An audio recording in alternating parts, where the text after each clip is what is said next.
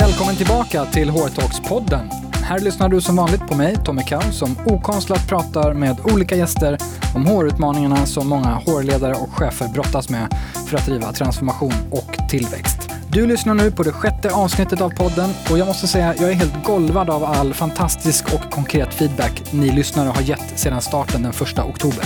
Det betyder enormt mycket att du som lyssnar feedbackar, följer, gillar, kommenterar och även sprider podden. Det gör att vi kan nå ut till fler som behöver inspiration, kunskap och konkreta råd på poddens teman. Fortsätt så, för det betyder enormt mycket. Om du inte redan gjort det, tryck såklart gärna på prenumerera i din poddläsare. Följ gärna Håretorkspodden på Instagram och LinkedIn. Och vi lovar att vi ska fortsätta leverera så bra innehåll som vi bara kan. Och dagens avsnitt blev ett extra matnyttigt sådant, så vi var helt enkelt tvungna att utöka tiden och det måste jag säga, det var det värt. Om du funderar på varför du ska lyssna på det längre avsnittet så är det för att där ger hjärnforskaren Katarina Gospic ännu fler svar och tips på hur hjärnan fungerar och reagerar i transformation och förändring och vad allt det betyder för dig som HR-chef eller HR-intresserad chef. Hon ger självfallet också sina tydligaste HR-spaningar och berättar om sin bästa HR-idé och hur hon ser på framtiden. Kommer vi bli dummare eller smartare är frågan. Mm, lyssna helt enkelt på den långa versionen om du vill få ut mer av Katarina Gospic. Nu kör vi igång. Välkommen till HR Talks-podden och ett extra matnyttigt avsnitt om utmaningar, forskning och tips kring hur digitalisering, ny teknik och transformation påverkar våra hjärnor. Digitaliseringen går som bekant i ett rasande tempo och överallt pratar vi teknikutveckling och snabba förändringar. Och jakten på transformation, tillväxt och kanske paradoxalt nog hållbarhet gör tveklöst att vi kräver allt mer av våra medarbetare. Samtidigt är kroppen en gammal varelse och vi har samma hjärna idag som för 40 000 år sedan. Så vad gör all den här digitaliseringen, transformationen och förändringen med oss människor. Vad ska vi enligt hjärnforskningen tänka på som ledare och HR-chefer för att människor ska anpassa sig och vi ska få ut det mesta av våra medarbetare? Detta ska vi försöka svara på idag. Därför har vi bjudit in en gäst som kan mer om detta än de allra flesta. Hon är läkare, fysiolog och hjärnforskare vid Karolinska institutet i kognitiv neurovetenskap och har disputerat på frågan om hur vi reglerar våra känslor vad som händer i hjärnan när vi fattar beslut. 2013 var hon sommarvärd i P1. 2016 utsågs hon av Veckans Affärer till supertalang. Fram till idag har hon skrivit hela sju böcker och du ser henne frekvent i tidningar, olika medier och Nyhetsmorgon. Idag är hon entreprenör, författare, föreläsare, expertkommentator och Director of Science på VR-företaget Spinview. Hon heter Katarina Gospic och nu sätter vi igång dagens skarpa samtal. Hjärtligt välkommen till HR Talks-podden, Katarina Gospic. Tack så hemskt mycket. Hur känns det att som hjärnforskare vara med i en HR-podd? Ja, men det känns helt fantastiskt för att HR-människor eh, hanterar ju företagens absolut viktigaste resurs, nämligen människorna. Så det betyder att om man vill åstadkomma något så ja, är det ju dem man ska prata med helt enkelt. Och eh, i den här podden vet du att vi går rakt på sak, ja. så vi sätter igång. Vad är största utmaningen för hjärnan med att leva i dagens arbetsliv? Det är informationsöverflödet och att vi inte längre kan fokusera på en sak i taget för att vi hela tiden blir avbrutna. Och hur mycket vet vi egentligen om hur hjärnan påverkas av dagens arbetsliv? Så här, hur mycket vet forskningen som kanske gemene man där ute inte vet? Mm. Eh, det vi vet är att hjärnan kan inte göra fler än en sak i taget. För att när vi gör det, till exempel vi pratar, vi försöker svara på ett mejl, vi kollar på telefonen, det är någon kollega som går där borta som vi tittar lite på. När vi liksom hoppar mellan alla de här uppgifterna så hoppar också hjärnan kan man säga. Jag brukar jämföra det med att hoppa jämfota. Så att om man tänker så här äh, att du skulle leva en vanlig dag i ditt liv och hela tiden hoppa jämfota. När du lämnar barnen på dagis, när du liksom kommer hit till jobbet så har du hoppat jämfota. När du har gått och handlat mat så ska du hoppa jämfota hem i kassarna. Då blir ju helt plötsligt de här superenkla uppgifterna blir mycket svårare och det tar all din energi. Och man kan säga att det är så vi arbetar idag med vår hjärna när vi hela tiden blir avbrutna och försöker göra många saker samtidigt. Eh, och det här leder ju till att vi inte presterar vi känner oss stressade och eh, alla de här siffrorna som ni HR-människor känner till, eh, det är ju att stressrelaterade sjukdomar skjuter i höjden och att det är den vanligaste orsaken till sjukskrivning. Och det positiva i det här, det är ju att vi behöver inte vara sjuka. Utan det är faktiskt ett val och här finns det jättemycket och ett jätteviktigt arbete att göra för att vända den här trenden. Och vi kommer tillbaka till lite vad man kan göra för att hantera det här. Mm. Vi stod på scen för några år sedan tillsammans på mm. faktiskt en stor, ett stort HR-event. Mm. Eh, och du sa att kunskapen om hjärnan, den har verkligen inte nått en kritisk massa mm. inom, inom HR och, och ledarskap. Mm. Är det fortfarande så? Ja, det är min upplevelse. Eh, för jag tycker att man ska förstå hjärnan på samma sätt som vi förstår hur, ska jag säga, hur en mobiltelefon fungerar eller hur vi navigerar kring andra instrument eller om man pratar inom ett företag. Liksom. Man kanske använder någon form av ekonomisystem eller mejlsystem eller vad det nu är. Och det ska vi lära oss liksom till punkt och pricka. Men vi lär oss liksom inte om hjärnan som faktiskt är det som styr allt som är det bakomliggande för allt det här. Ja, precis. Eh, så därför tycker jag att det är jätteviktigt att eh, man satsar på det. För då börjar man också förstå beteende och också hur man får med människor på tåget och skapa förändring och också att man förstår frestelserna i vardagen som gör också att vi arbetar på det här ineffektiva sättet som många gör idag. Och kan bygga upp liksom strategier för hur vi ska hantera det på ett bra sätt. Men saknar många eh, företag strategier för, om man säger strategi för hjärnan? Ja. Varför är det så? När man har all den här kunskapen? Det är för att man inte riktigt känner det här uh, sense of urgency. Man förstår inte riktigt vad det handlar om. Och då tänker man så här, oh, herregud, ska jag lära mig en ny sak? Och det hinner jag inte med för att jag måste släcka alla de här småbränderna som man brottas med varje dag. Och det man glömmer bort är att om man lyfter blicken lite så kanske man faktiskt kan bygga upp strategier som gör att de här småbränderna försvinner. Och på så sätt kan man jobba mer långsiktigt, mer hållbart på många olika sätt. När man som sagt bygger upp de här strategierna för hur man ska hantera saker och undvika att det händer. Vad kan det vara om vi ger ett konkret exempel på hur man kan bygga upp en strategi för att undvika eh, småbränderna som mm. säkert en del lyssnare känner igen sig i? Ja men precis.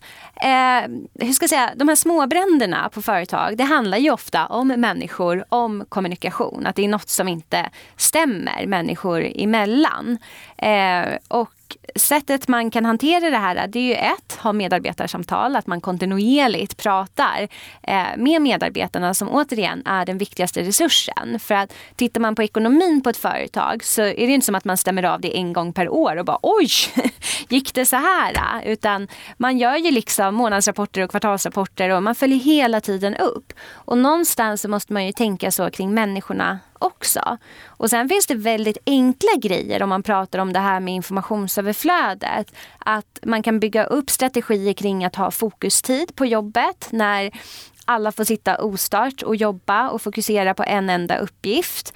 Eh, man kan lägga in olika tider då människor kan svara på mejl och på telefonsamtal. Att man faktiskt pratar om vad har jag för förväntan på dig när jag skickar ett mejl. Och också fundera över vilka, vilka lägger jag på på det här mejlet. Liksom. Behövs det verkligen 15 personer? Och det här tycker jag är ett jättestort problem inom många företag. Att det är ingen som äger en fråga, det är ingen som håller i bollen. Och det gör att saker bara snurrar, det gör att man har oändligt många möten. Man kommer inte fram till ett resultat. Utan här handlar det också om att bygga in strategier kring vem ansvarar för en fråga? Vem har mandat att fatta beslut? Och sen så måste man piska på och se att människor Eh, äger bollen och fattar de här besluten. Och det försäkrar man sig om genom att också ha de här kontinuerliga medarbetarsamtalen så att man hela tiden följer upp. Och det här i sig blir ju faktiskt motiverande i längden. För att om det är någonting vi människor älskar så är det ju belöning och att se frukten av vårt arbete. Men det som händer mycket idag när den här bollen bara snurrar runt och ingen äger en fråga och ingen fattar ett beslut. Det gör ju heller att vi aldrig får se en frukt av vårt arbete och då tappar vi motivationen.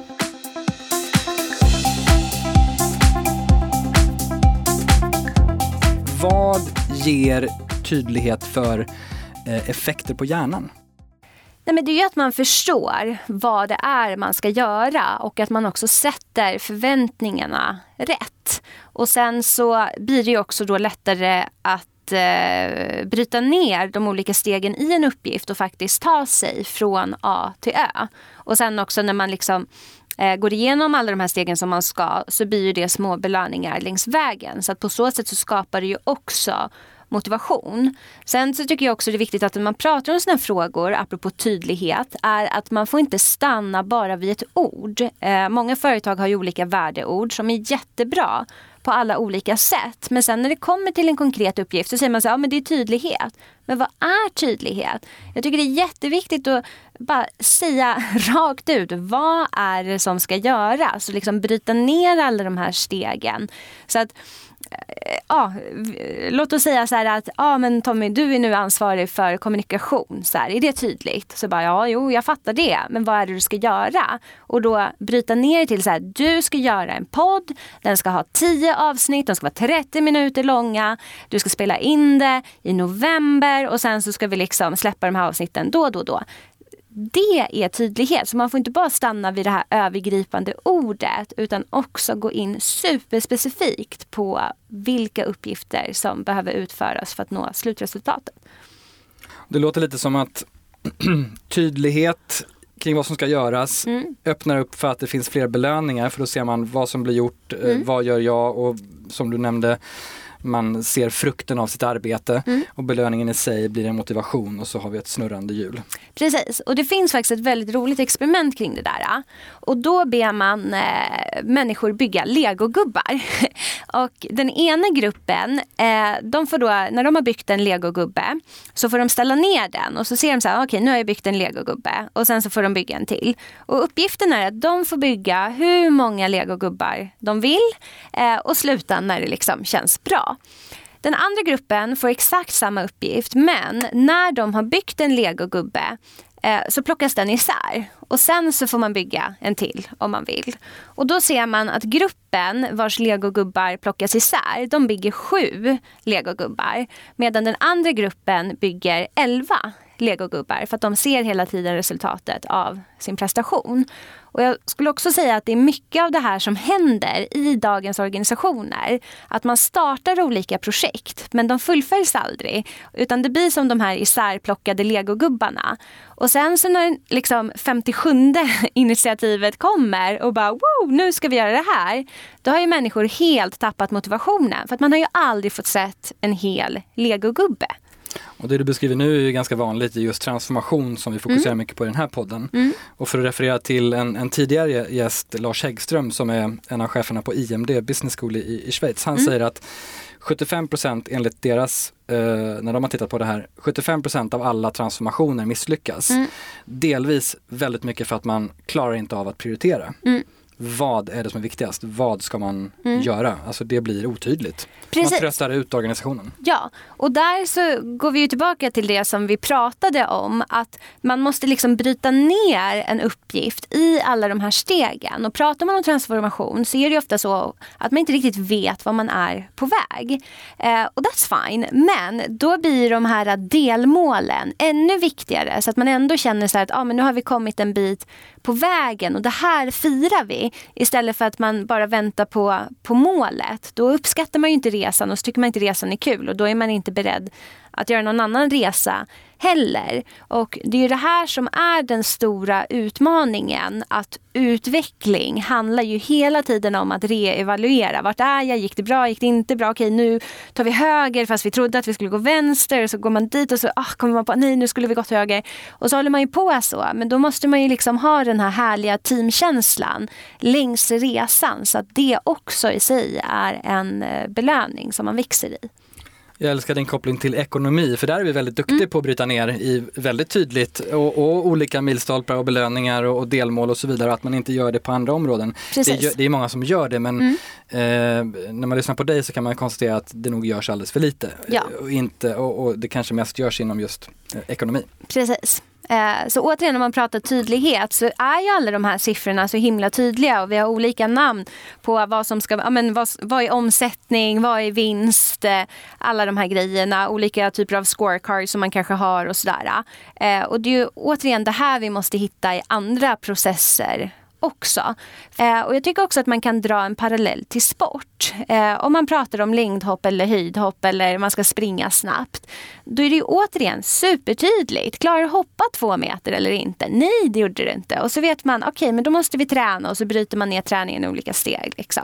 Men vad är det som gör att vi som ledare och HR-chefer och, mm. och kanske som individer också inte riktigt klarar av att ge den där tydligheten eller skapa den där tydligheten. För någonstans, mm. det börjar med att någon ska hjälpa till att skapa tydligheten. Mm. Och nu cirkulerar vi runt tydlighet som mm. en liksom nyckel till väldigt mm. mycket positiva effekter. Precis. Som, som du är inne på. Ja. Nej, men där handlar det om, ett, man måste lita på sig själv, att man är kompetent. Man måste ta bollen ibland och äga bollen själv och ha lite självförtroende. Så här, nu ska jag göra något, nu ska jag åstadkomma något. Göra. Ja, och får man inte eh, tydliga riktlinjer från, från eh, de som är över så får man liksom skapa sin egen värld och börja göra sina egna grejer. Eh, och sen det här att våga fatta beslut, våga testa. Återigen, om jag känner så här, jag vill bli höjdhoppare då måste jag ju börja hoppa, då måste jag ju börja träna och sen så märker jag att ah, den här övningen var inget bra men när jag gjorde eh, det här då gick det plötsligt jättebra. Då hoppade jag 10 cm bättre på tre månader eller hittade den där personen. Så att återigen, om vi kollar på ekonomi eller sport eh, där det finns den här eh, supertydligheten så måste vi liksom applicera samma typ av tänk eh, inom arbetslivet. Och där tycker jag också sporten är väldigt viktig. För att alla de som är duktiga på någonting och hoppar högt eller springa snabbt. Det var ju inte som att de vaknade upp en dag och bara wow, nu har jag hoppat 2,30. Det sker inte över en natt. Utan man tränar under jättelång tid, man misslyckas, man gör illa sig, man tycker att det är jobbigt. Men man fortsätter, fortsätter, fortsätter och det är hårt arbete och sen så lyckas man och då känns det bra. Men inom arbetslivet, där är det som att det ett tabu och skamligt att misslyckas. Det är som att vi ska sätta det här på första försöket. Och det är inte så livet fungerar. Så där tycker jag också att det är viktigt att ha en kultur. Det här med att eh, fail fast, fail early. Och så är det så här, okej okay, nu har vi lärt oss någonting. Och faktiskt belöna det också. Så här, wow, du vågade prova. Och sen kanske det inte gick så bra, men då har vi lärt oss att det här ska vi inte göra. Och det i sig blir ju också en tydlighet på eh, vilken riktning man ska ta.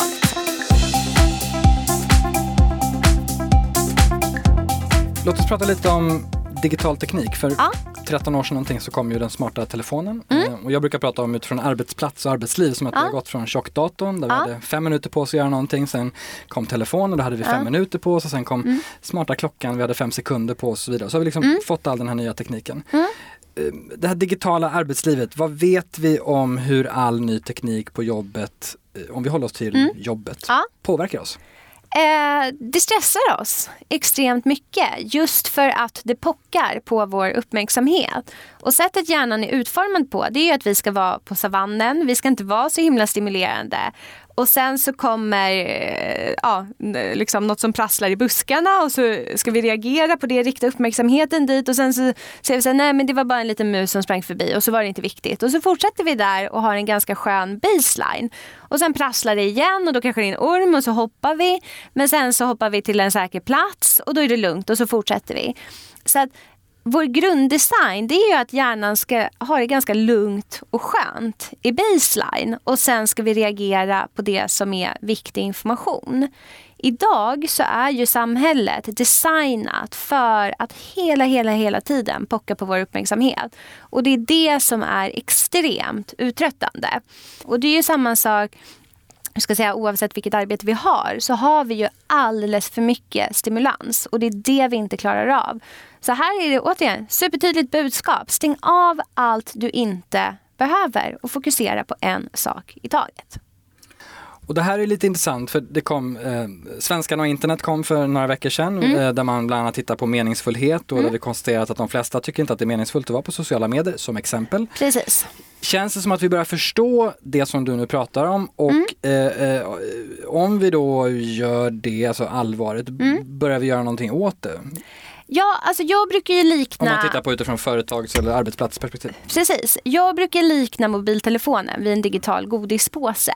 Så på samma sätt med godis, alla vet att det är inte bra att äta mycket godis. Vi fattar det. Men fortfarande är det supersvårt att inte äta godis. Och framför allt om det står en stor godisskål framför dig varje dag på skrivbordet. Och det här handlar ju om principen att det som är nära i någonting vi gör och det som är långt borta i någonting som vi minskar sannolikheten för att göra. Så det betyder att om vi hela tiden har mobilen inom en armlängds avstånd så är det jättelätt att vi bara håller på med den, även om vi fattar att det inte är bra. Sen är det också så att telefonen är specialdesignad för att eh, eh, stimulera vårt belöningssystem.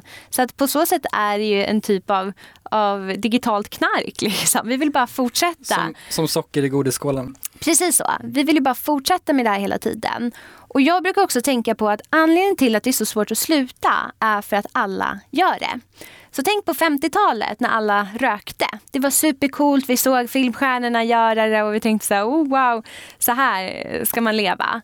Eh, och då blir det jättesvårt att säga till någon så här, men Tommy sluta rök om jag röker. Eh, och om man tänker på samma förhållande då mellan eh, chef och arbetstagare eller mellan förälder och barn. Liksom. En förälder kan ju inte säga till sitt barn så här, hej rök inte när man själv gör det.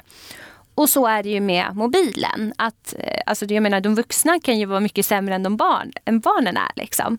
Eh, och det är det som skapar eh, den här typen av svårighet. När alla överbrukar och kanske missbrukar sin telefon så eh, blir det svårt att sluta. Jag tänker att den där godisskålen bara ska fram på lördagar. Precis. Då och... kanske man bara ska använda mobiltelefonen på lördagar. Ja. Där har vi kanske ett tips. Precis. Nej, men jag brukar alltid säga så här, använd teknik med intention. För teknik är fantastiskt, det ger oss underbara möjligheter. Men det som är det dåliga, det är ju att sitta och scrolla på sociala medier i en halvtimme när vi bara skulle kolla klockan i fem sekunder. Eh, och det, man kan tänka på det som digitala kalorier.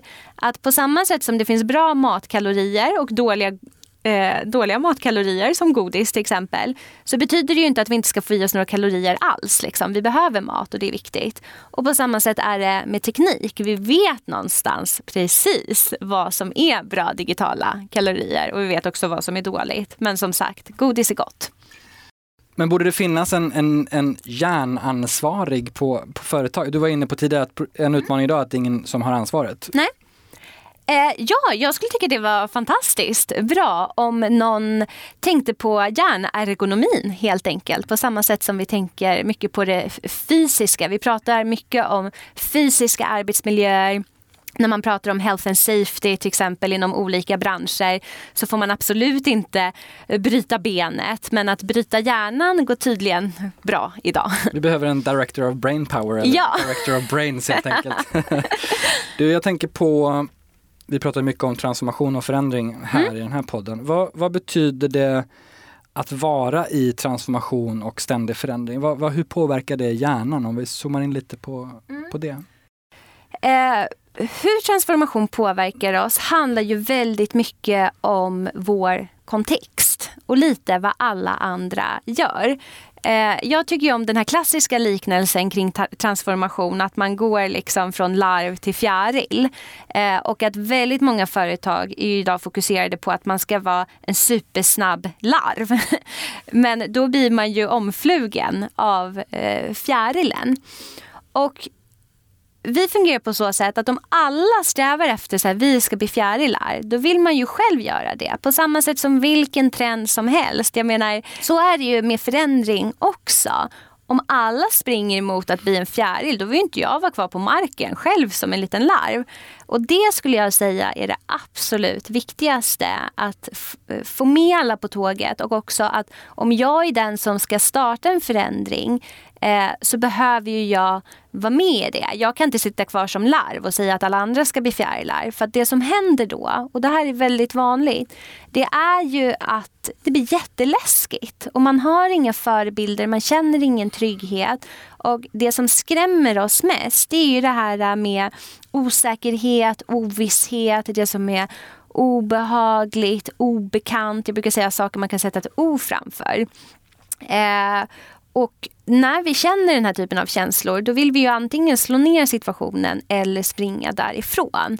Och det är ju därför, apropå dina 75 procent, eh, det är därför vi misslyckas med det här. För att vi skapar inte tryggheten, det är inte en gemensam resa utan det är mer att vi försöker putta larven över kanten och så hoppas vi att den ska flyga.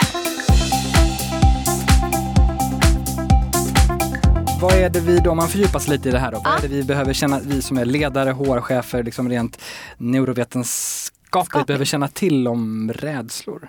Ja, men det är ju det här att när vi är rädda så vill vi det man kallar för fly eller fäkta, fight or flight. Eh, men det här behöver ju inte bara vara dåligt i termer av att vi försöker fly eller fäkta själva situationen. Det kan ju också bli något bra. Alltså som när man är lite rädd och bara gud nu måste vi verkligen göra det här för att annars kommer de andra vinna. Då kan det ju i sig göra att man kavlar upp armarna och så försöker man liksom slänga sig ut från den där kanten.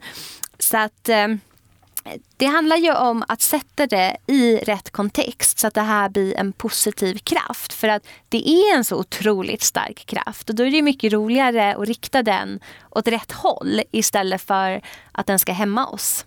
Och i den här podden hittills har vi pratat jättemycket om att göra, mm. att våga, ta mm. beslut, mm. leda sig själv, ja. egentligen hoppa ut över det där stupet. Ja. För du har ju sagt tidigare att rädsla är lite två sidor av samma mynt. Ja. Det är liksom både mod och rädsla och för att vara modiga behöver vi vara rädda. Mm.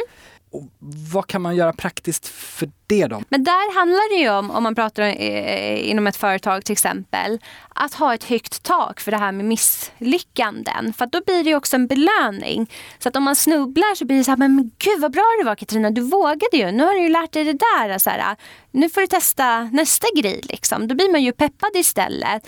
Och eh, även om man är rädd för saker så känner man ändå en trygghet i att det är okej att misslyckas och att testa. Det säger en pepp istället för att det blir så här, men herregud, hur tänkte du nu? Så, eh, så att vi sätter ju allt i eh, kontext helt enkelt. Apropå kontexten, ja. spelar det någon roll alltså i fråga om osäkerhet och rädsla, spelar det mm. någon roll vilken typ av förändring man är i? Vi pratar ju mm. transformation som mm. du säger kan vara ganska stökigt. Ja. Men många bolag är också i stark tillväxt. Ja. Eh, I Stockholm har vi liksom ett tillväxtunder inom techsektorn. Mm. Det, det, det, kan också, det är också mycket förändring hela tiden. Mm. Spelar de här någon roll eller är förändringen, spelar ingen roll vilken typ av förändring man reagerar Ja men precis, man, man reagerar likadant ändå. Alltså, så det spelar ingen roll om vi pratar om att det kommer in ett lejon här eller att någon säger så här, oh, nu ska vi göra liksom, den här förändringen. Ja men precis. Eh, det kan trigga exakt samma respons och beteende. Eh, men sen som sagt handlar det om att försöka vända den kraften till eh, något konstruktivt eh, istället för att sticka huvudet i, i sanden. Så egentligen kan man säga att alla som lyssnar på den här podden och alla som mm. jobbar med att leda och utveckla organisationer. Mm. Alla behöver den här Director of Brains av samma anledning. Ja men precis och att hantera rädslan och sen också att man hela tiden skapar en miljö där man tar små babysteg varje dag. Så att om man tänker så här att om man ska hoppa från en höjd så kanske man inte ska börja med att hoppa från 30 meter utan man kanske liksom börjar att hoppa från ett trappsteg och sen så blir det liksom halvmeter, en meter. För att då blir ju de här höjderna till slut inte så läskiga för att man hela tiden övervinner det och kommer framåt och uppåt. Men det som många gör idag det är att det har varit status quo väldigt länge. Människor vill bara vara bekväma och sen från en dag till en annan så säger man just det här magiska ordet att nu ska vi omorganisera och då blir det så här wow! Eh, jätteläskigt. Istället för att man bara har byggt in det här automatiskt att sättet vi jobbar på handlar om förändring. Vi gör nya saker hela tiden. Jag tror att det här är ju dit många vill komma för att mm. åtskilliga ledare och även HR-chefer mm. och andra säger att det är konstant förändring. Precis. Det kommer ha konstant omorganisering, det är liksom mm. det nya normala. Precis. Jag tänker om vi zoomar in lite på HR. Mm. Eh, om vi skulle kalibrera några vanliga HR-utmaningar med, med dig. Hur ska vi till exempel få medarbetare att anamma självledarskap och leda sig själva och ta mer det här liksom, egna ansvaret? Mm.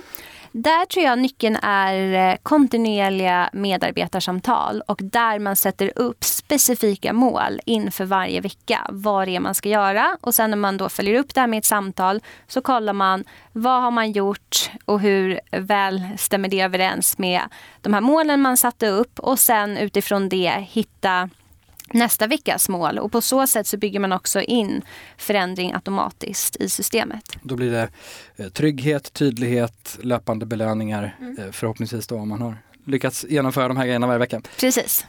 Hur kan vi få medarbetare att ta bättre och eh, det som många vill nu, mm. snabbare beslut? Det handlar ju om att man måste träna sig det också. Och återigen, om vi går tillbaka till medarbetarsamtal och tydliga eh, mål så kanske det också är så att inför en vecka så säger man så här, okej okay, Tommy, nu har du de här tre sakerna på agendan. Eh, vilka beslut är det kanske vi ska fatta eller vad är det som ska hända? Sätta upp mål för det och sen träffar jag dig veckan efter och så ser jag hur det har gått. Då har jag ju tvingat dig till att äga bollen, jag utvärderar dig på det här eh, Förhoppningsvis fattar du då besluten, du får en belöning och sen så liksom, eh, återigen lägger man på mer och mer belastning på samma sätt som i gymmet. Du börjar med en enkilos hantel och sen blir det två, tre, fyra och sen har vi automatiskt byggt in det här att du vågar äga bollen och du vågar fatta beslut. Det låter ju nästan som en motsats till eh, utvecklingen att vi ska ge mer frihet och man ska inte följa upp så mycket och man ska liksom mm. låta folk springa med ett visst mandat och så vidare. Mm. Är det det eller? På ett sätt ja, för att vi har ett antagande att många val gör oss lyckliga. Men det är inte så, apropå att ha koll på sin hjärna och hur vi fungerar. Istället blir det så mycket för hjärnan som vi inte kan hantera. Man brukar säga att vi kan hålla sju saker, plus minus två, i arbetsminnet. Och eh, är det mer än det så blir vi istället passiva. Och det är också det man ser i dagens värld, att ofta så har människor fler än sju saker att hålla reda på och vi ska ha det här i huvudet och då gör vi ingenting istället. Så att det här med styrning handlar om återigen att definiera, ringa in någonting, vad det är man ska göra. Och sen blir istället din frihet i att du ska fatta beslut A under den här veckan. Sen om du väljer att svara liksom ja eller nej kring det beslutet, det är din frihet.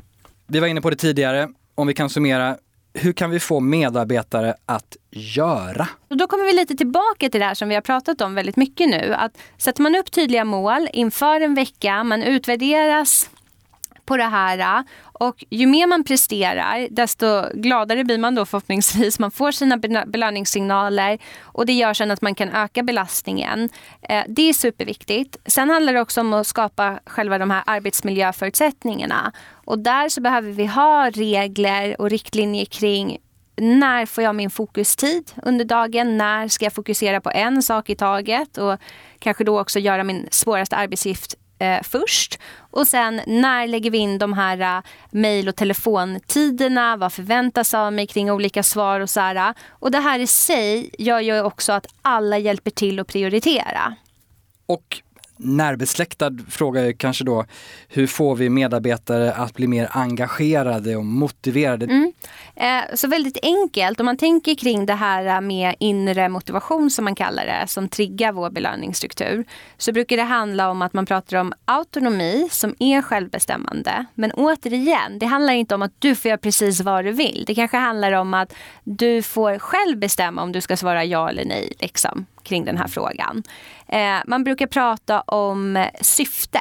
Det är viktigt att se ett syfte i det man gör. Varför är du ett viktigt kugghjul i den här organisationen? Och faktiskt också skriva om sin arbetsbeskrivning till det, mer än att eh, du är ansvarig för kommunikation. Eh, och sen det sista, att se till att människor blir bra på någonting. Så återigen, eh, vill man hoppa höjdhopp så är det inte kul om ribban ligger på en meter de nästkommande tio åren. Liksom. Det kommer inte göra dig bättre, det kommer inte motivera dig för att träna. Och på samma sätt är det ju inom eh, arbetslivet. Vi kan inte ha samma uppgift hela tiden. Utan, och här kan man ju säga också att utmaningen är att hitta the sweet spot. Liksom, så här, eh, när är du tillräckligt stimulerad och utmanad och sådär. Eh. Och sen återigen att det här förändras ju hela tiden. Men för att komma tillbaka till medarbetarsamtalen. Har man dem eh, frekvent på samma sätt som vi följer ekonomin i ett företag. Då kommer man ju kunna hitta det här, så här att okej okay, vi började faktiskt här men nu har vi byggt på det här och du har blivit bättre och bättre, du har tagit mer ansvar, du växer din roll. Och det är ju så med allt. Saker vi blir bra på tycker ju vi är roliga. Och vad apropå belöningar, det är ett mm. stort område, liksom comp and ben, compensation mm. and benefits, hur vi eh, betalar för arbete, mm. utfört och belönar prestation. Mm. Hur ska vi tänka där då, givet liksom hjärnforskningen? Där handlar det mycket om positiva överraskningar. Det är faktiskt det absolut viktigaste och det finns inget som triggar hjärnans belöningssystem mer än när vi får en positiv överraskning. Så att Eh, belöningar behöver inte bara handla om liksom pengar eller att du får en ny position eller liksom blir befordrad eller sådana saker. Utan också de här mänskliga grejerna. Eh, jag hörde om en chef någon gång som eh, stannade bilen utanför eh, en lyxbutik och sen så satt han då med två medarbetare.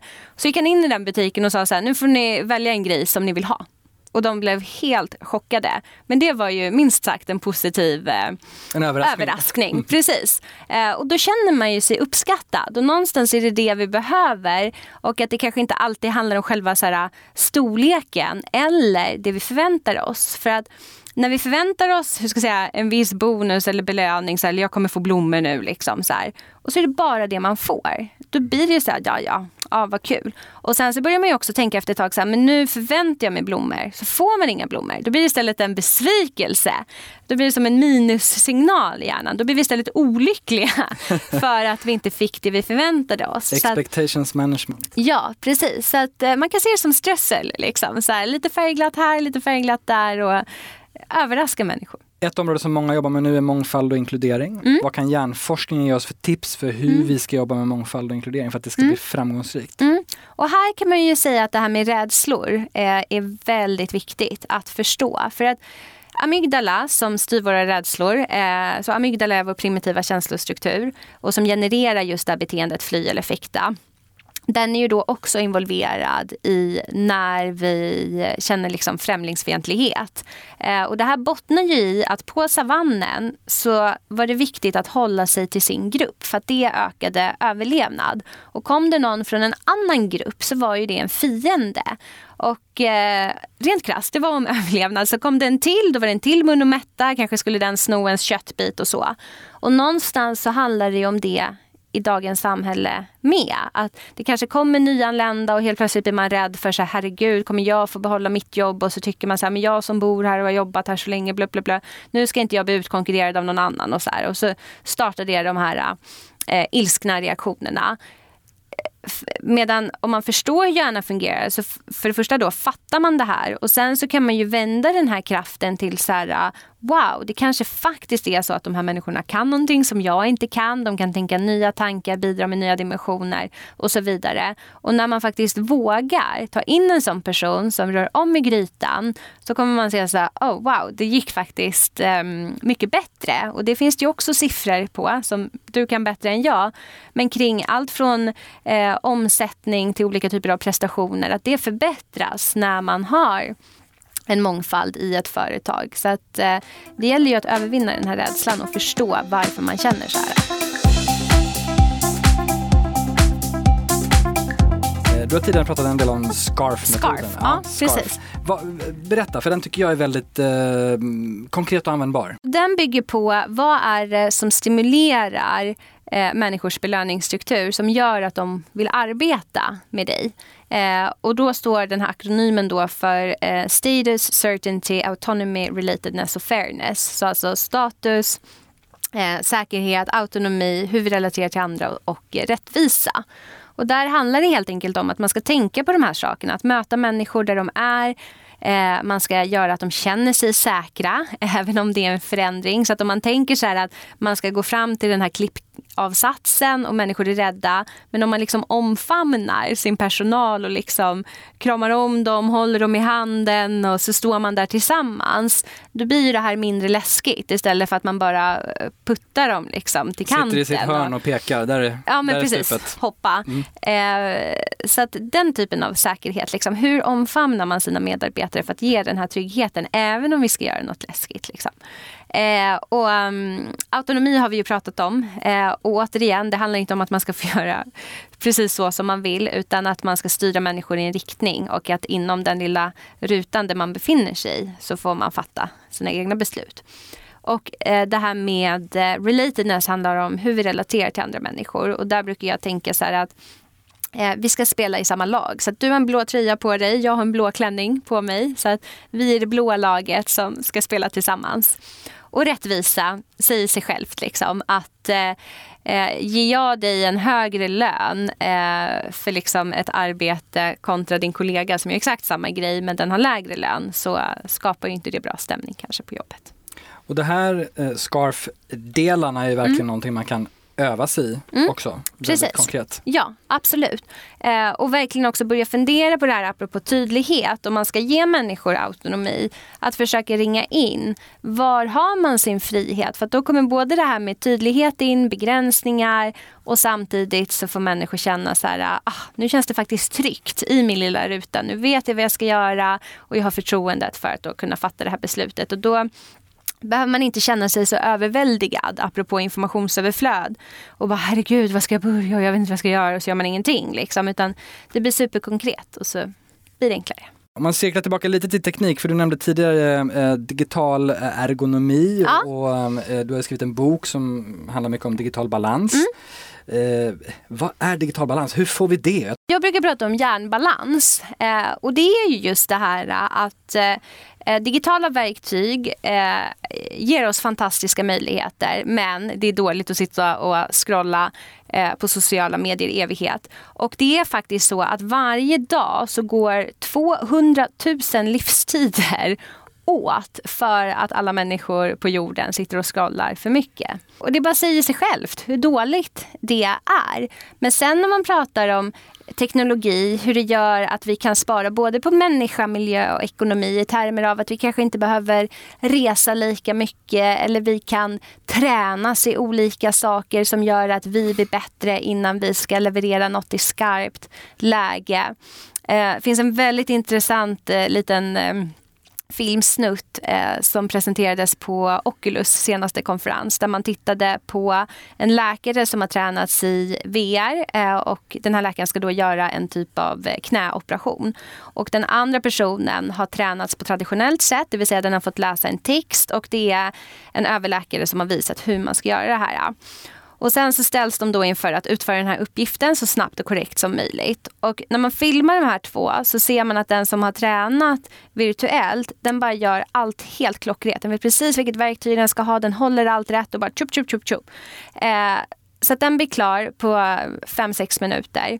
Och den andra, den ser man liksom fumla runt, lyfta verktyg, vad, vad är det ska göra och så vidare. Han frågar överläkaren som sitter i rummet, hur ska jag göra? Eh, till slut så genomför han upp, uh, uppgiften, men på dubbelt så lång tid. Och när man ser det där så blir det så himla tydligt. Så här, vilken läkare skulle du vilja opererade ditt knä? Mm. Så. Mm. Och samma sak är det med andra grejer. Jag menar, ett sånt yrke har ju dessutom väldigt stor betydelse. För det är ju inte så kul om du får klåpan. Det kommer påverka hela ditt liv. Eh, och du kanske får ont i knät eller eh, komplikationer. Och på samma sätt är det om man pratar bygg till exempel, där det är eh, ja, med många arbetsplatsolyckor och så vidare. Tänk om man då har tränats på ett bra sätt. Liksom. Så det är ju det det handlar om att använda saker med intention. Men hur kan man se till att få digital inkludering? Ja, och här finns det faktiskt ett väldigt stort ansvar eh, hos de som utvecklar olika produkter att, hur ska jag säga, dumb it down, att göra det så enkelt som möjligt. Eh, så att det bara handlar om ett knapptryck. För att återigen så ska ansträngning ställas mot belöning. Eh, och vi vet ju alla hur det är med saker som hänger sig eller inte funkar eller tänker i evigheter. Det är extremt frustrerande. Så då får man ju inte eh, ja, med sig människor på tåget. Sen finns det ju såklart ett eh, stort ansvar internt. Eh, jag träffar på väldigt många som ska ha de här eh, mobila arbetsplatserna till exempel. Men sen så finns det 17 olika datormodeller och dockningsstationen passar inte riktigt till allt och så fastnas det en sladd och sen eh, ja, hela den problematiken. Sen kanske nätet inte funkar av olika anledningar. Och sen så kanske man sitter där på sin plats och så får man ett Skype-samtal och så ska man gå in i ett tyst rum och så tappar man internet connection. Och, ja, och sen så ska man liksom sitta och ringa IT i tre timmar. Eh, det är ju väldigt dåligt. Det finns ingen av lyssnarna som känner igen sig i det här. eh, men jag gillar uttrycket dumb it down. Jag har aldrig ja. hört det förut. Det, det är väldigt mm. bra uttryck. Ja, Precis. Och oavsett vilket typ av så digital eh, restlager på arbetsplatsen det gäller. Mm. För att man måste få med sig folk och då dumb it down. Ja, för att återigen om vi går tillbaka till eh, din första fråga, är, vilken är den största utmaningen? Så handlar det om informationsöverflöd. Och det är så här, eh, har vi redan jättemycket att göra så vill vi inte lära oss ett nytt system där man ska trycka på liksom 17 knappar för att få till det som man vill få till. Utan man vill trycka på en knapp, då är det okej. Okay. Eh, så att det är så vi också måste tänka kring vår hjärna. Hur börjar vi avlasta den och göra det enkelt? Framtiden då? Vad, vad ser du framöver? Kommer fler företag göra hjärnstrategier? Kommer, eh, hur kommer hjärnan acceptera eller integrera ja. med AI, mm. 5G? Eh, alltså ja. det händer ju väldigt mycket nu. Ja. Och det är så himla spännande. Alltså jag måste säga att jag älskar tiden vi lever i. Och det som kommer hända är att eh, alla de traditionella jobben vi har kommer ju försvinna. Eh, så återigen, om man pratar om transformation och eh, omfamna förändring så måste vi bara göra det. För att annars så kommer vi inte ha företagen kvar och man kommer inte ha sitt jobb kvar helt enkelt. Så det är bara face the fact och börja fundera över så här, vilken är din strategi? Både på individnivå men också på företagsnivå. Eh, så att mycket kommer ju bli eh, eh, datoriserat. Eh, när man pratar om kirurgi till exempel så är det ju fler och fler operationer som nu görs eh, inom det man kallar för robotkirurgi. Så fortfarande sitter en människa bakom den här roboten och styr den. Eh, men återigen, det sker ju en inlärning i de här maskinerna så att snart så blir ju saker mer och mer automatiserat. Ju mer fall man lägger in i en sån här robot desto mer kommer den ju fatta själv, kunna utvärdera hur den ska göra.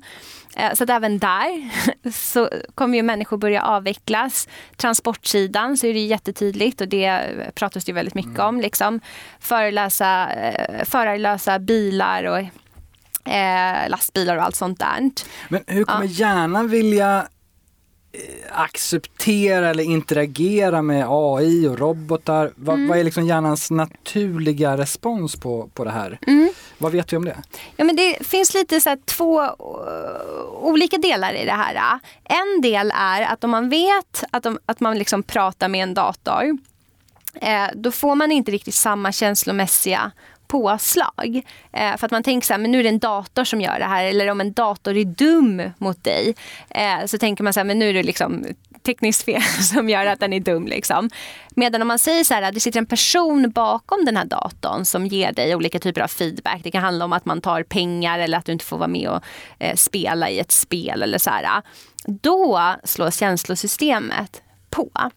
Eh, så att mycket handlar där om förväntningar. Sen finns det något positivt med datorer också och det är att om man ska prata om privata saker så eh, det finns en väldigt rolig scen i Solsidan när eh, karaktären Fredde har hemorrojder och så går han till vårdcentralen och så sitter vackra Eva Röse där. Eh, och hon är så här, hej hur kan jag hjälpa dig idag? Och då blir det så här, ah, um, mm, jag har ont i ryggen. och sen så kollar hon på hans rygg och klämmer och känner och det är inget fel där. Och så ah, har han ett jätteproblem att liksom söka hjälp för sina hemorrojder. Eh, och det är ju så att när vi har vissa eh, liksom, problem som vi tycker är väldigt privata och vi kanske skäms lite av olika anledningar eh, så är det jobbigt att prata om det. Och där har man sett att robotar är fantastiska eh, kring att eh, man då berättar sina mörkaste hemligheter. Så i brist på eh, social interaktion eh, och kanske ledarskap ja. så kanske vi vill ta vissa jobbsamtal med en eh, robot framöver ja, men... än sin chef. Ja, precis. Intressant. Vi stod, jag nämnde 5G också, vi står mm. precis inför att det rullas ut ja. runt om i världen. Ja då kommer det vi ha ännu mer kraft i telefonen eller klockan eller vad mm. vi nu har kopplat upp och så vidare. Mm. Blir det en våg som blir liksom en epidemi på det vi har mm. sett de senaste mm. tio åren eller kommer vi att ha ett annat förhållningssätt till det ungefär samtidigt? Om, mm. alltså, vad tror du? Nej, men jag skulle säga att den största krocken nu i den här digitala transformationen som pågår det är ju att vi har all den här datan som på något sätt samlas in.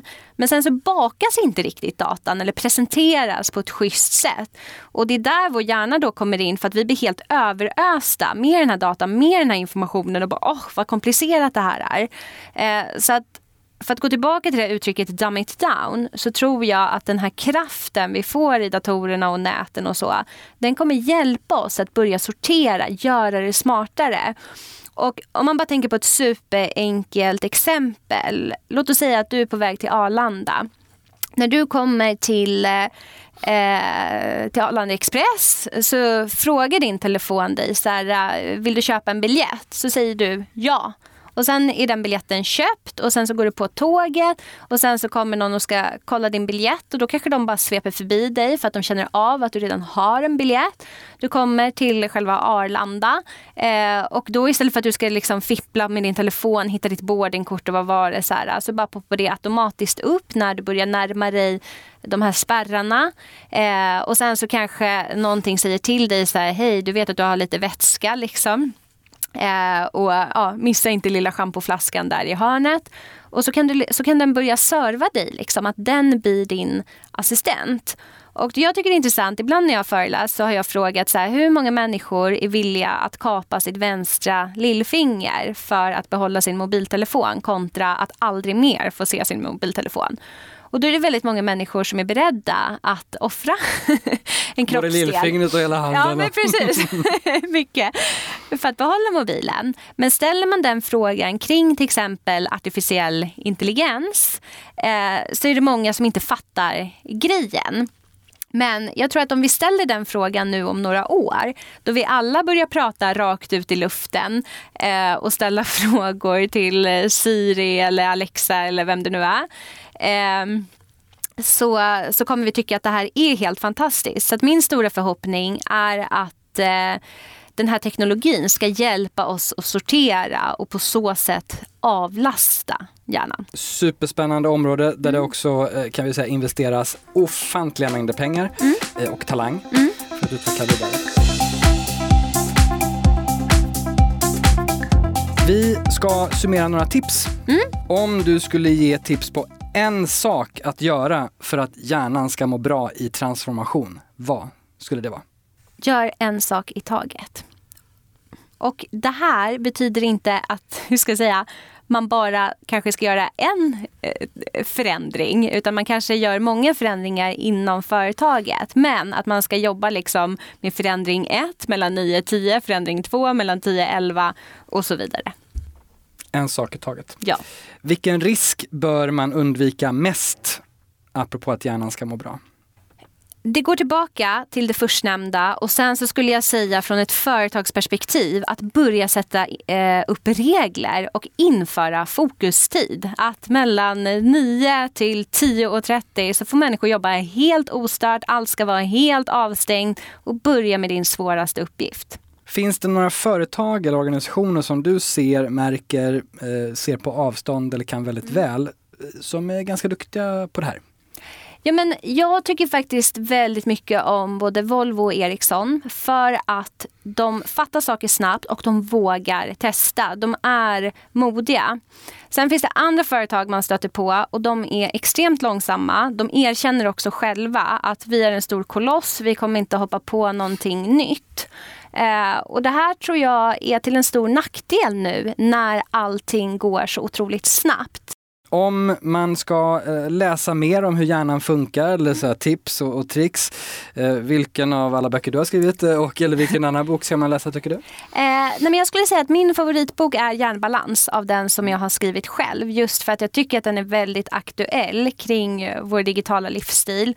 Och sen eh, neuroledarskap som faktiskt ger väldigt många konkreta tips. Om man pratar om det här med eh, det, medarbetarsamtal, hur ofta man ska göra det. Det finns tabeller och listor, hur man ska ställa upp sina frågor och sådana grejer. Så att de tycker jag är väldigt konkreta.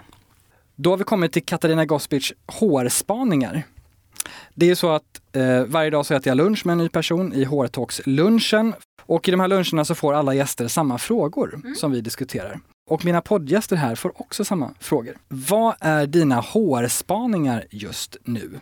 Jag skulle snarare säga att min upplevelse av HR är att det är väldigt spretigt. Apropå det här med transformation och hur resten av organisationer eh, fungerar. Så att jag skulle säga å ena sidan så finns det de som verkligen diskuterar allt det här som vi har pratat om idag, vill få tag, eller ta tag i det.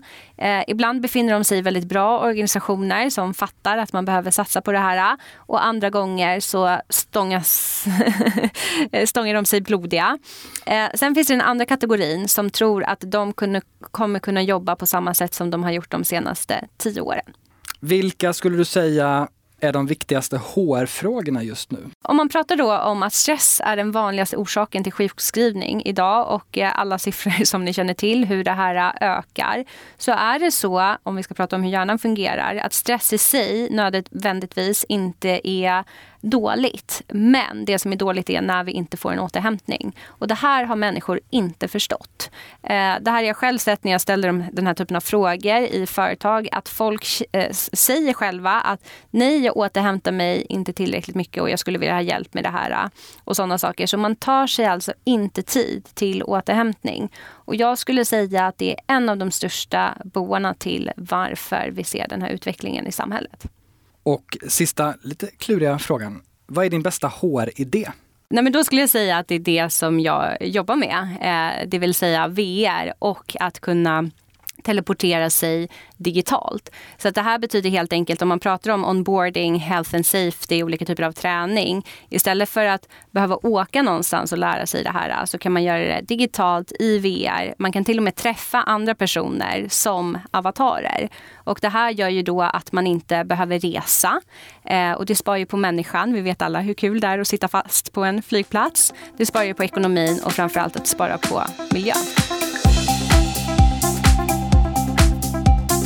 Ge oss liksom en snabb eh, sneak peek på, på vad som är möjligt med VR nu, vad som händer. Ja men precis, så VR ger oss superkrafter.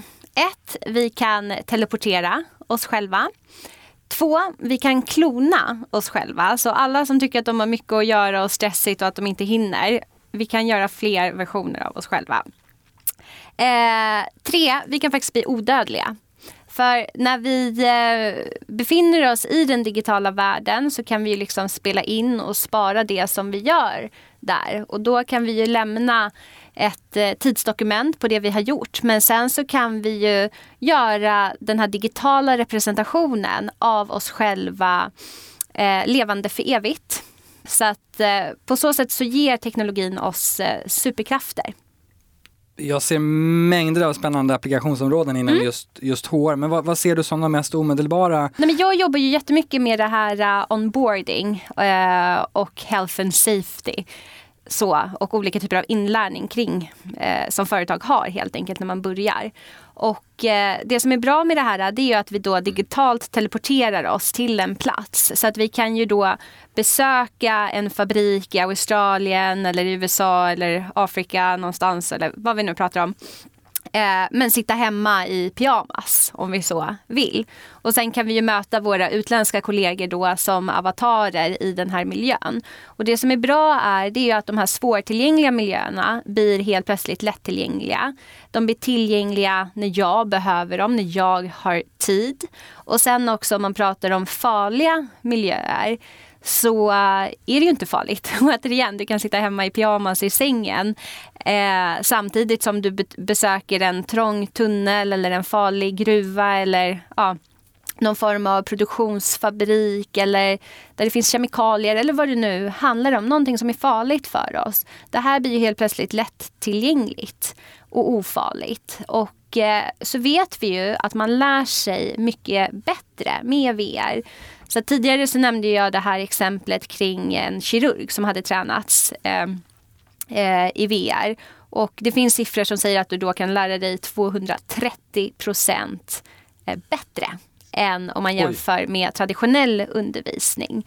Så går vi tillbaka till den här frågan, hur ska vi liksom hantera världen, hur ska vi prestera bättre och bli mer effektiva och så här. Om man kan lära sig 230 procent bättre så kan man ju undra så här, ja men varför gör vi inte det? Då? Mm, varför, varför gör vi inte det? Det finns några förklaringar till det här. Det ena handlar om hårdvaran, så att den har varit väldigt dyr. Eh, idag så kan man köpa ett par VR-glasögon för i storleksordningen 2000 kronor. Eh, sen att skapa content, det kan vi också idag göra väldigt billigt. Så att man kan köpa en eh, VR-kamera som är mindre än vad din mobiltelefon är för 3500 kronor.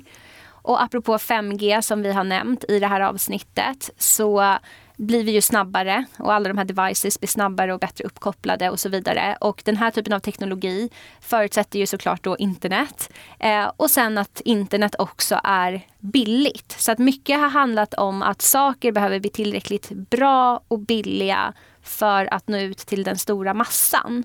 Men nu så är det ju prisvärt helt enkelt att använda den här typen av teknologi. Eh, så summa summarum, allt det här finns idag och det har blivit billigt och på så sätt lättillgängligt. Men det största hindret är ju att människor känner inte riktigt ett sense of urgency. Om man inte vet vad man saknar så förstår man ju inte att man måste hoppa på tåget. Och många människor har ju hög arbetsbelastning idag så tänker man så här, jag orkar inte en grej till och vi prioriterar inte det här och som vi pratade tidigare om, jag måste släcka alla små bränder. Och så gör ju det att man fortsätter att jobba på ett osmart sätt. Man kan säga att VR har fått en del kritik för att det inte har eh, alla de här bra grejerna som man tänkte skulle hända med mm. VR har hänt. Men just inom learning och en mm. del HR-områden så har det ju verkligen, där bubblar det en hel del. Och ni, ja. du, jag vet att ni har jobbat med med tunnelbanan, ja. på farliga miljöer. Ni har mm. jobbat med Ericsson mm. kring onboarding som mm. också nyligen har blivit en del uppmärksammade kring mm. det. Och eh, eh, jag tänker employer branding, det finns många mängder Precis, och också det här äh, att eh, man får ju en känsla. Det känns ju som att man är där, man glömmer bort allt annat. Så apropå att mobiltelefonen till exempel stör oss hela tiden och avbryter oss. Så är det ju som att sätta på sig ett cyklop med de här glasögonen. Och man blir ju helt uppslukad för att du har ju ingen aning om vad som pågår här ute. Jag råkar veta att du faktiskt eh, tog med dig ett VR-set som vi ska eh, testa. Ja. Eh, så vi ska få gå in i kanske den här australiensiska eh, stålfabriken till och med. Ja, som ett, ett, case som ni har jobbat med. Ja. Eh, spännande, vi, vi kör igång.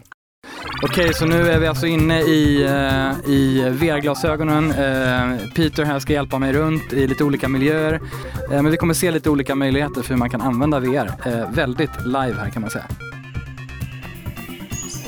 Wow, nu är jag ute i djungeln. I skogen. Ja, oh, wow. Nu står jag och tittar i 360 eh, på en beach ut över havet. Eh, jag är någonstans i Västindien kanske, eller Afrika. Fantastiskt när det är ett par grader i Stockholm. nu ska jag gå in i en stålfabrik. Oh, hello! Nu står jag alltså inne i fabriken, i en stålfabrik i Australien, tittar på en presentation samtidigt, alltså en 2D-presentation samtidigt som en, en live-person som uppenbarligen jobbar här presenterar massa saker för mig så att jag kan ombordas fortare. Eh, och första gången jag är i en stålfabrik dessutom. Superhäftigt. Nu går jag alltså in i eh, Salvatore Dalis eh, målningar och upplever målningen som att det är live. Nu står jag ute i öknen, det här är helt sjukt. Alltså så att eh, prata om employer branding, onboarding och så vidare när man, man verkligen vill öppna dörren och se hur det ser ut på insidan. Det här är ju eh, fantastisk möjlighet att, att göra det. Kan man till och med gå in i tavlor, då är det få argument som biter på mig i alla fall för varför man inte kan låta folk gå in på kontoret och kolla hur det faktiskt är. Superhäftigt. Tack så mycket för den här eh, eh walkarounden. Vi fick se eh, beach, vi fick se skog, vi fick se eh, faktiskt presentation i typ ett kontor, vi fick se en stålfabrik första mm. gången jag var inne i en stålfabrik. Ja. Uh, så, så det, blir, ja, det blir du väldigt... Du gick in i en tavla? Jag gick in i en tavla, ja. precis, i Dalis tavla. Jag som har jobbat i, i över tio år med att se till att talanger kan kolla in och uppleva hur det faktiskt är. Mm det, det, det här eh, tar ju i, i praktiken bort nästan alla barriärer för det. Verkligen. Uh, för du behöver inte ens ta dem in till kontoret om det, man, om det är det man tycker är jobbigt. Precis. Katarina Gospic, fantastiskt stort tack till att du har varit med oss i HR-talks-podden. Det har varit ett sant nöje och ett helt magiskt och skarpt samtal.